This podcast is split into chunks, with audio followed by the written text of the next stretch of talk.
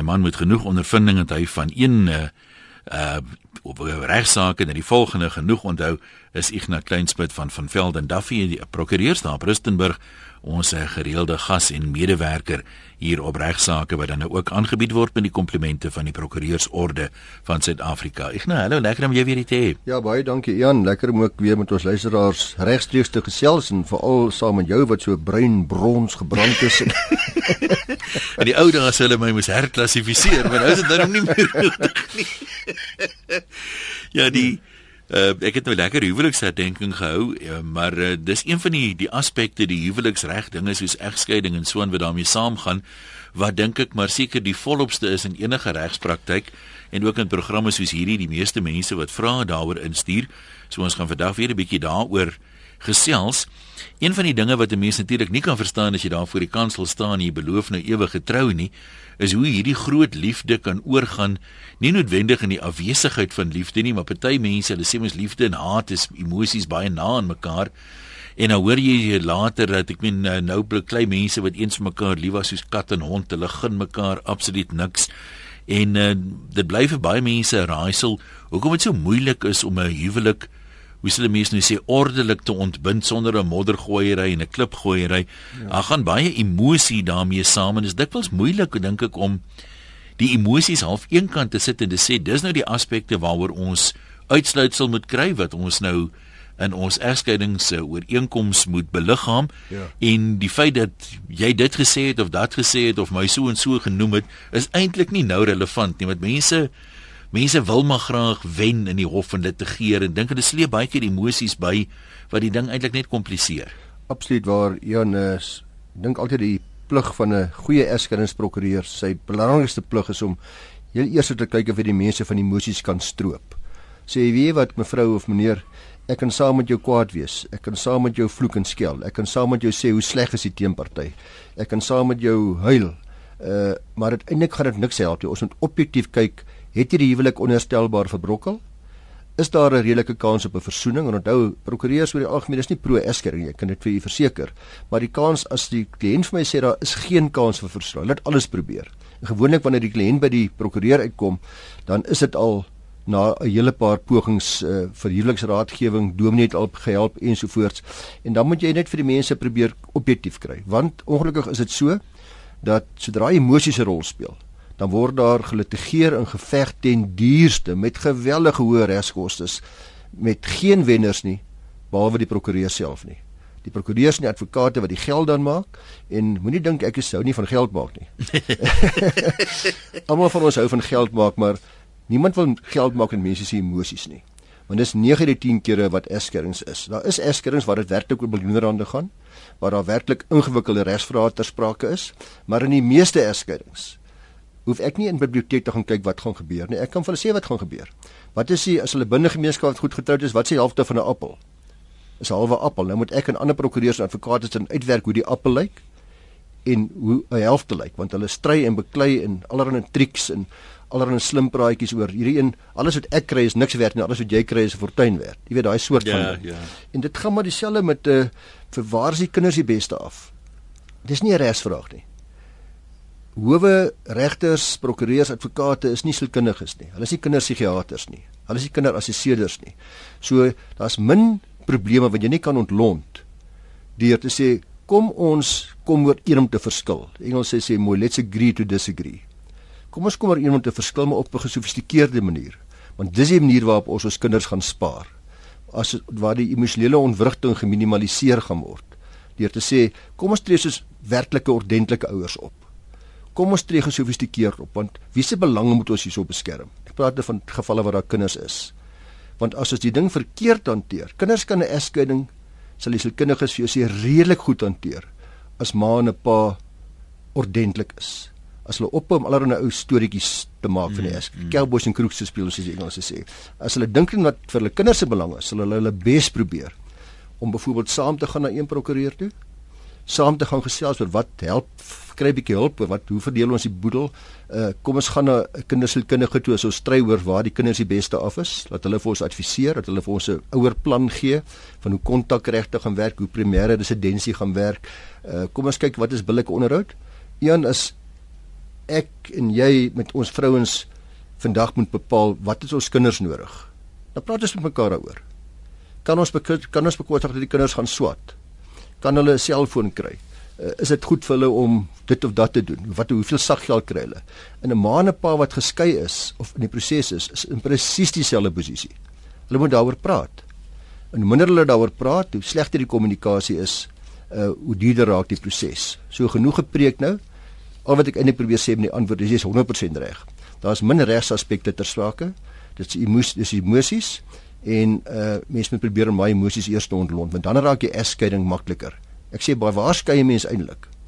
Jy skei in jou kop en in jou hart. Moenie van die proses die egskeiding maak nie. Mm. mm. En dan wil jy nou gaan uh, mense sleg sê. Uh ek drink te veel want my vrou nek te veel. ja. sy nek te veel want ek is nooit by die huis nie. Ek is nooit by die huis nie want sy is koud in die bed. Sy is koud in die bed want my asem stink na knoffel. So kan ek aangaan. Ja, ons kan mekaar ja, beskuldig ja, van 'n ja. klomp twak. Uh uiteindelik kom ons niks verder daarmee nie. Daar's bitter min egskeidings waar die werklike feitelike situasie waarin mense skeie rol speel. Slegs by verbeurverklaringsgevalle 99% van hierdie gevalle stel die hofgeregtig nie belang oor die normale redes waarom 'n huwelik tot 'n uh, einde kom nie. Kan ons mense vra so 'n paar algemene vrae, nou nie noodwendig ja. jou hele spesifieke omstandighede nie, algemene kwessies rondom egskeiding wat ons miskien kan aanraak, dan kan jy vir ons SMS, ons is regstreeks uit Johannesburg, die gewone nommer wat ek net moet lees hier, waar staan hy nou weer? Dis 3343, daai SMS se kos R1.50 elk en e-posse kan jy vir ons stuur vanaf RSG se webwerf rsg.co.za. Ek wil gou vir jou vra, ek nou mens hoor tog soms jy sê nou teen die tyd dat mense by die prokureur kom is dit redelik finaal, ja. maar mense hoor ook soms gevalle van ehm um, dat die een party die ander een as dit ware wil skrik maak. Jy dink ek sal nie na prokureur toe gaan nie, ek sal jou wys. Ja. En jy hoor soms dat die proses nou al 'n redelike entjie gevorder het, dat daar kostes aangegaan is en so aan en uh, dan op die ou einde sien die ander party nou maar dit gaan my geld kos hierdie ding ek sal moet jy weet dit en dit en aanpassings ja, maak en doen ja. hulle dit nie. Ehm um, kan 'n mens raad gee vir mense oor uh, op watter stadium wat jy eers moet probeer voordat jy prokureur toe gaan want soms is daar ook 'n insident wat kom ons sê hierdie naweek gebeur iets. Dis nie 'n kwessie van dat hierdie verbrokkeling kom oor 'n tydperk van 'n paar jaar nie. Het iets gebeur wat my so geskok het. Ek sien nie kans om langer met jou getrou te wees ja, nie. Ja. As ons kon gisteroggend geskei het, sou ek dit gedoen het. Ja, Ian is 'n uh, baie belangrik om te weet dat baie Suid-Afrikaanse mans, en ek wil nou nie sê Afrikaanse mans nie, maar baie mans in die algemeen is maar redelik chauvinisties wanneer dit kom by huweliksraadgewing en redelik hardkoppig en eiewys oor gaan huweliksraadgewing enige effek hê. Nou ek kan met vrymoedigheid sê ek voel baie miskik met die mans wat ek al oortuig het om saam te werk of baie keer is dit die vrouens ook. Sê gaan na huwelik en ek voel 100 keer lekkerder oor die huwelike wat gered is omdat mense vooraf gaan praat het. Omdat hulle gaan probeer het om die probleem te identifiseer en sodra hulle dit geïdentifiseer het, kan mens daaraan werk en dikwels kry jy die mense 'n jaar of twee daarna wat vir sê, "Jo, ek nou baie dankie." Dit het gewerk. Ons is nou gelukkiger getroud as ooit terwyl hulle by punt was om te skei. Uh dis net daai daai kwessie van probeer net eers want die wet sê die gronde vir 'n egskeiding is nie meer kwaadwillige verlating en oorspel en sulke dinge nie. Dit is hierdie huwelik onherstelbaar verbrokkel en dan kom die stertjie by. Of is daar 'n redelike kans vir 'n versoening? En ek dink mense moet ter wille van jou kinders minstens vir al wat daar kinders is, eers daardie versoeningsmoontlikheid 'n billike geleentheid gee. En dit beteken maar huweliksraadgewing. Pastoraal, baie dikwels as u as u naby aan die kerk is of naby aan 'n pastorale situasie is, gaan soontoe. Help geweldig baie. Maar uh, daar's uitstekende huweliksberaders in elke dorp.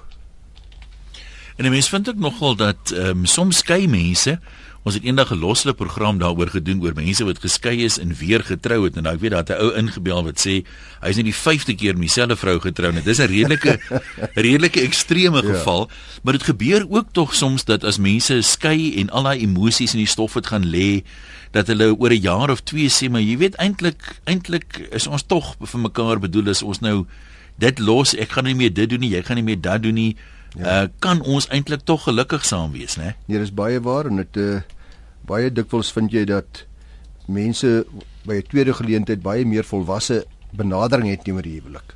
Ek dink dit uh, dit help geweldig baie om om huwelik uh, suksesvol te maak. Ek weet omstandighede verskil van geval tot geval. Ehm um, en daar's ook die die mense praat maar van die selfhelp egskeidings waar ons nou weet. Mm. Jy weet kom ons sê daar's nie regtig 'n groot dispute nie. Ons het ons dinge opgestel. Dis is dit gaan verdeel. Ehm um, kan 'n mens dan basies net 'n prokureur gaan sien vir die formaliteite wat in die hof afgehandel moet word en wat wat sou jy sê, weet dis moeilike uh, weet nie wat vasgestelde fooie is nie, ja. maar mense vra altyd nou weet wat is die die regskoste dan? Kan 'n mens skei vir ja. 10000 rand byvoorbeeld of Ja, Ian, of uh, gaan of is dit 'n duur proses? Wat as ons nie kan bekostig om te skei nie? Kyk waar daar nie kinders is nie. Dis my die belangrike onderskeid hier. Waar daar nie kinders is nie, dit gaan suiwer daaroor dat ek en jy as groot mense se belange is op die spel en ons stem saam die huwelik het onderstelbaar verbrokkel, daar's nie noemenswaardige bates nie, dan is die egskeiding werklik baie eenvoudig. Uh en dan is dit 'n proses wat baie goedkoop kan wees, baie maklik kan wees. Daar's heelwat mense wat dit self probeer doen en dit klink nou na eie belang of 'n prokureur ek tree hier vir die prokureursorde op, maar dit gaan nie hier oor prokureurs nie. Dit gaan oor wat se belang van daai gesinnetjie en, en daai man en vrou. En dikwels vind hulle as hulle by die hof kom, dan is die stukke nie reg nie en daar's chaos en daar's drama en daar's tegniese aspekte wat nie korrek is nie. So daai soort van egskeiding kan baie goedkoop afgehandel word, maar die normale egskeiding waar daar kinders is en ma en pa gaan saam na een prokureur toe, uh en hulle is redelik, daar's nog altyd maar 'n bietjie armdruk maar hulle is redelik tevrede oor waar hier die kinders gaan se waar gaan die primêre residensie wees wat gaan die kontakregte wees wat onderhoud min of meer en verdeling van bates die soort van dinge. So ek sê dit is altyd nog skaafwerk. Daai egskeiding kan afgehandel word by een prokureur wat vir albei dan optree vir ongeveer 'n omgewing van hier so na 6000 na 10 12000 rand toe. Afhangende van hoeveel konsultasies nou regtig nodig is. Dit sluit in die advokaatskoste wat as 'n advokaat gebruik word. Daar's nou ook uh, in Suid-Afrika streekshof egskeidings wat dit baie meer lokaal maak wat die kostes van reis en gebruik van advokate uh, verminder. Uh, so in die meeste groot sentrums het streekshowe waar die streekshof landroste wat nog altyd net uh, strafregtelike sake hanteer het nou ook die siviele aksies hanteer wat insluit egskeidings en hulle ook jurisdiksie oor oor egskeidings wat uh, wat geweldig baie help om die reg bietjie nader na die gemeenskap toe te bring. Wat wat gebeur uh, ek weet in die in die ek weet nou sê in die ou dae wat, wat nie altyd 'n so baie baie vloeibare begrip daai yeah. Ja. maar uh, baie van die hooggeregshowe het sekere dae gehad woensdae byvoorbeeld is yeah. Ja. egskeidingsdag ja. elke woensdag dan kom die egskeidings voor en hulle skei dosyne mense op 'n oggend ja. en iemand vra hier ek wil nou nie my vuil wasgoed in die openbaar gaan was nie moet albei partye teenwoordig wees wat gebeur ja uh in die in die, die streekhof of die hooggeregshof dan moet jy fisies verskyn of kan jou of jou prokureur of jou advokaat die stukke net inhandig ja. en uh, jy jy net vlugtig bevestig dat dit korrek is. Ek gaan so tree terug hier net om te sê dat uh die egskeidings waarvan ons nou hier praat is onverdedigde egskeidings. Dit impliseer dat die partye 'n skikking bereik het. Ja. Nou die ideale situasie is waar die partye 'n skikking bereik het voordat hulle hof toe gaan Dit beteken daardie party het nou reeds besluit wie's die eiseres en wie's die verweerder. Die normale situasie is hulle gaan saam na een prokureur toe. Hulle bespreek daar ook saam wat die gronde van die egskeiding gaan wees in 'n poging om nie onnodige vuil was goed te was en mekaar seer te maak en te verneder en te verkleineer nie. Ons besluit daar in my kantoor wie gaan die eiser wees of wie gaan die eiseres wees. En die persoon wat dan besluit hy of sy gaan die eiser of die eiseres wees, gewoonlik die persoon wat meer adamant is dat 'n egskeiding 'n werklikheid moet word sal dan ook die enigste persoon wees wat in die hof gaan verskyn. Wat in effek gebeur is daai daar word nog steeds gedagvaar. Daai dagvaarding sê hof, ons het 'n klomp geskille. Ons huwelik het onderstelbaar verrokkel want A B C en D. Maar hof, ons het 'n skikkingsding ons aangegaan. Hy word aangeheg aanhangsel A en ons vra die hof om daardie ooreenkoms in 'n hofbevel te beliggaam. Anderswoorde wat die hof nou doen, hy maak daai skikkingsding ons hofbevel net die party wat die eiser of eiseres is gaan dan met sy of haar oorspronklike huweliksertifikaat na die hof toe en daardie ooreenkoms word ingehandig by die hof en hy word 'n hofbevel gemaak en ek weet ek oor vir eenvoudig nog maar dis amper so eenvoudig soos ek dit nou gestel het. En daar by die hof uh, gaan u dan nog steeds met u prokureur of advokaat verskyn, maar dis 'n kort prosesie, 'n groot antiklimaks gewoonlik. Uh want u's deel van 'n groot groep mense wat op dieselfde dag skei en die hof sit maar net hulle stempel daarop maak net seker dat die ooreenkoms werklik aan die kinders se belange omsien Deel daarvan is waar daar kinders is, moet die gesinsadvokaat se stempel van goedkeuring mm -hmm. ook op daardie dokument, op daai skikkings vir die inkomste aangebring word. Aan die ander woorde word 'n verslag van die gesinsadvokaat aangevra. Nou die gesinsadvokaat luisteraars, alhoewel die woord advokaat gebruik word, is nie 'n regsgeleerdes nie. Hulle is sielkundiges, maatskaplike werkers ensovoorts wat kyk dat daar behoorlik omgesien is na die belange van u kinders. So ja, net die een party gaan hof toe, maar waar u verdedigde litigasie het, waar mense beklei met mekaar dan is hierdie 6000 en 12000 rand wat hulle van gepraat het word maklik 20, 30, 50, 100, 200000 rand. En mense beklei dikwels oor 'n klomp nonsens en dan natuurlik met albei partye daar wees en dis 'n vol lengte ja, hofsaak. Ja. Met getuies oor wie nou vir wie wat gedoen het en daar's ander mense wat moet bykom veral wat daar nou verbeurverklaring versoek word. Vir die een party sê die ander party moet niks kry nie want hy of sy is 'n slet en 'n tert en vir sis of vir dat. Uh en ag, dis ongelooflik hoe mense die hele gesin in daai proses vernietig uh terwyl dit eintlik regtig nodig was nie. As dit kom by die verdeling van van bates, wie se skuld die egskeiding nou is. Mense praat wie se skuld is. Ja, ja. Is eintlik irrelevant klink dit vir my. Behalwe by die geval waar een party sê dat die wangedrag was so wesentlik dat die hof daardie party moet penaliseer en 'n deel van die bates na die party nie toeken nie wat normaalweg regstegnies daardie party sou toekom. Kom ek gee jou 'n voorbeeld. 'n Voorbeeld sou wees dat uh hierdie jong poppie sien die ryk oom uh en sy betower hom. Die oom dink later net met die onderlyf en nie met die bolyf nie en hulle trou en 3 maande later uh trou in Mauritius op 'n strand uh en dis is in 3 ja. maande later is daar daar's geen huweliksvoorwaarde kontrak nie. 3 maande later vang hy haar met die tennisafrigter uh in die tennishuisie. Nou, daar's 'n goeie voorbeeld. Binne gemeenskap van goed, sy moet volgens reg moet sy 50% van die gemeenskaplike boerdery. Die oom is 'n multimiljonêr. Ek nou of hy sê hy gaan niks kry nie. Want die hof gaan sê daar was wesenlike wangedrag. Daar was nooit werklike huwelik wat gesement is nie. Daar was verkeerde voornemens. Sy het na 3 maande om reeds verneek. Uh maar soortgelyk as ek en jy na 20 jaar huwelik. Ons huwelik is oor die muur. Uh daar is as gevolg van redes wat ons nie eers mooi kan identifiseer nie, die gevoel net weg. Ja, ja. Ek het iemand anders in my lewe ontmoet uh en ek sê op 'n mooi manier vir my vrou of vir my man wie wat? Ek wil die huwelik werk nie meer vir my nie. Alhoewel daar dan nou dalk ontrouheid was of aanduidings van dat ek nie meer so goed is vir jou nie. Ek maak nie meer vir jou in die oggend ontbyt nie. Ja. Uh, en dis soort van dinge nie. En ek slaap nie meer in dieselfde kamer as jy al vir 'n jaar of 3 nie. Dan gaan ek nog steeds by my huweliksbedeling toegepas word of dit binne of buite gemeenskap van goedere is of aanwasbedeling gaan ek my deel kry soos wat ek getrou het maar as mens getroud is buite gemeenskap van goed sonder die aanwasbedeling na 1984 dan is jy op jou eie.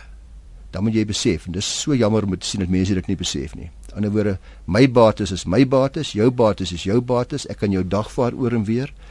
Ek en my vrou is presies soos ek en jy, Jan. Ons is totaal onafhanklik finansiëel van mekaar. En dan het ek geen verpligtinge teenoor jou nie. Ek ken nou wat hy het. Dan in daai geval speel skuld natuurlik geen rol hoegenaamd nie. Ja. Want daar's niks om oor te beklei nie. Ek ken nou sy eie goed. Net so vinnig vra iemand hier onbestrede egskeidings die maklike proses wie net te verduidelik het. Hoe lank vat dit vandat jy dit initieer tot jy in die hof kan verskyn? Dis dit nie so die mense in 'n maand kan doen of is dit daarom te vinnig? Uh dis te vinnig dood eenvoudig omdat jy nog steeds dagvaar. Die dagvaarding gee nog steeds 'n uh, tydperk van 10 dae waarbinne die ander party verskyning moet aanteken. Jy moet nog steeds die saak op die rol plaas daarna. 'n Groot vertragingsfaktor is die die dagvaarding moet steeds persoonlik beteken word op die teenparty. Baie keer is die teenparty nie meer maklik beskikbaar nie. Uh jy moet wag vir die relaas van die balie, so jy's in 'n klomp ander mense se hande. En en hoe meer staatsamptenare se hande is, hoe langer vat dit, want jy moet nou wag vir die uh, ook vir die klerk van die hof om die dokumente uit te reik en weer terug te stuur. As jy regtig baie haastig is en uh, dis dikwels so wanneer daar 'n nuwe liefde is wat groot druk op jou uitoefen. My egskeiding is nog nie deur ja, nie. Ja, dan kan jy eh, dan kan jy dit die saak aansienlik bespoedig deur self stukke te neem. Ek reël soms vir kliënte om self die stuk te vat in die biljet toe. Saam in die biljet te gaan kyk. Waar is die kliënt? Die teenparty. Dit beteken self te ry Mafikeng toe ons Noordwes gebied of ja. Pretoria toe self te gaan na die rivier toe kyk dat daai ding uitgeryk word om weer terug te bring. In 'n woorde uh as mens regtig haastig is want as ek dit moet doen self dan kos dit 'n fortuin want ons is nie bodes nie ons is nie ons stuur die goed ja. maar per gewone op ander maniere koerier en pos maar mens kan dit vinniger maak kom ek gee 'n uh, is nou moeilik ek dit gaan verskil ook van gebied tot gebied want jou plasingsdatum verskil van hof tot hof. Party hof gaan vir jou datum gee binne 3 of 4 weke, party gaan 2 of 3 maande vat. In Mafikeng waar ek praktiseer in Pretoria, uh enigiets van 2 maande na 4 maande toe. Ek nou as jy 'n paar vrae van luisteraars gekry wat ons miskien vinnig na kan kyk. Iemand sê hier ek is eh, binne gemeenskap van goed. Hoe loop dit is die regte term in gemeenskap of binne gemeenskap? Binne of in maak nie regtig saak nie. Al prokureurs en regters en advokate gebruik albei terme. Nou ons is binne gemeenskap van goed getroud, maar my man sê as ons skei, is ek net geregtig op die helfte van die goed wat ons saam gekoop het nadat ons getroud is. Ja, dis 'n goeie vraag. Dood eenvoudig omdat ek eersins begin deur te sê dat jy kry baie gereeld dat wanneer die huwelik begin verbrokkel, dat een party redelik dreig afpers uh jy gaan kalie uitstap. Jy gaan kalie uitstap. Ek gaan die kinders vat. Jy sal niks kry nie en ek gaan sorg dat dit en dat gebeur. Ag hulle gaan verder tyd keer veral waar een party graag wil skyn, die ander party nie wil nie sê op 'n stadium ek gaan selfmoord pleeg en ek gaan dit doen en ek gaan uh allerlei snaakse dinge doen. Nou ek verduidelik altyd vir kliënte, jy moet jy nie laat intimideer nie. Jy moet nie dit afdreig nie. Jy moet nie dit afpers nie. Dis emosionele tuistering daardie. Dis onbillik en dis nie hoe eskeringswerk nie. Jy moet maar u prokureur toe gaan en hy gaan vir u sê wat die werklikheid is. Nee, werklikheid om u vraag te beantwoord is dit as mens binne gemeenskap van goed getroud is of in community of property dis waar die ingemeenskap van goed vandaan kom, 'n direkte vertaling, dan is alles wat jy het. En as ek sê alles bedoel ek werklik alles wat u gehad het voor die huwelik, wat u ingebring het in die huwelik in, wat u het op datum van egskeiding uh, word gelykop verdeel. Daar is uitsonderings. Ek gaan twee uitsonderings wat mees algemeen is vir die vinnig gee. Die eerste uitsondering is waar u uh, geërf het en die testament spesifiek daardie erflating uitgesluit het van die voordele van huwelik binne gemeenskap van goedere. Nog 'n voorbeeld sou byvoorbeeld wees waar u 'n persoonlike besering of verlies gehad het. Aan die ander woorde u het hand verloor in 'n motorbotsing of iets en nou het die derde party geld vir die uitbetaal. Die fonds, hmm. daardie geld is deel van u eie geld. Maar in die meeste gevalle is dit alles wat jy het. Dit sluit al u polisse, anniteite, nie wat jy saam by mekaar gemaak het nie. Dit alles wat jy het. Dit is suiwer binne gemeenskap van goedere. So u man is verkeerd en hy het vir u verkeerde inligting gegee. Dan maar daar is ook 'n huwelik buite gemeenskap van goedere met behoud van die aanwasbedeling. Nou dit is uh, van 1 November 94 af kom ons op daardie wyse trou. Uh, gedurende die huwelik bou elke party sy eie goed, bou sy eie boedel op, is vir sy eie skulde verantwoordelik.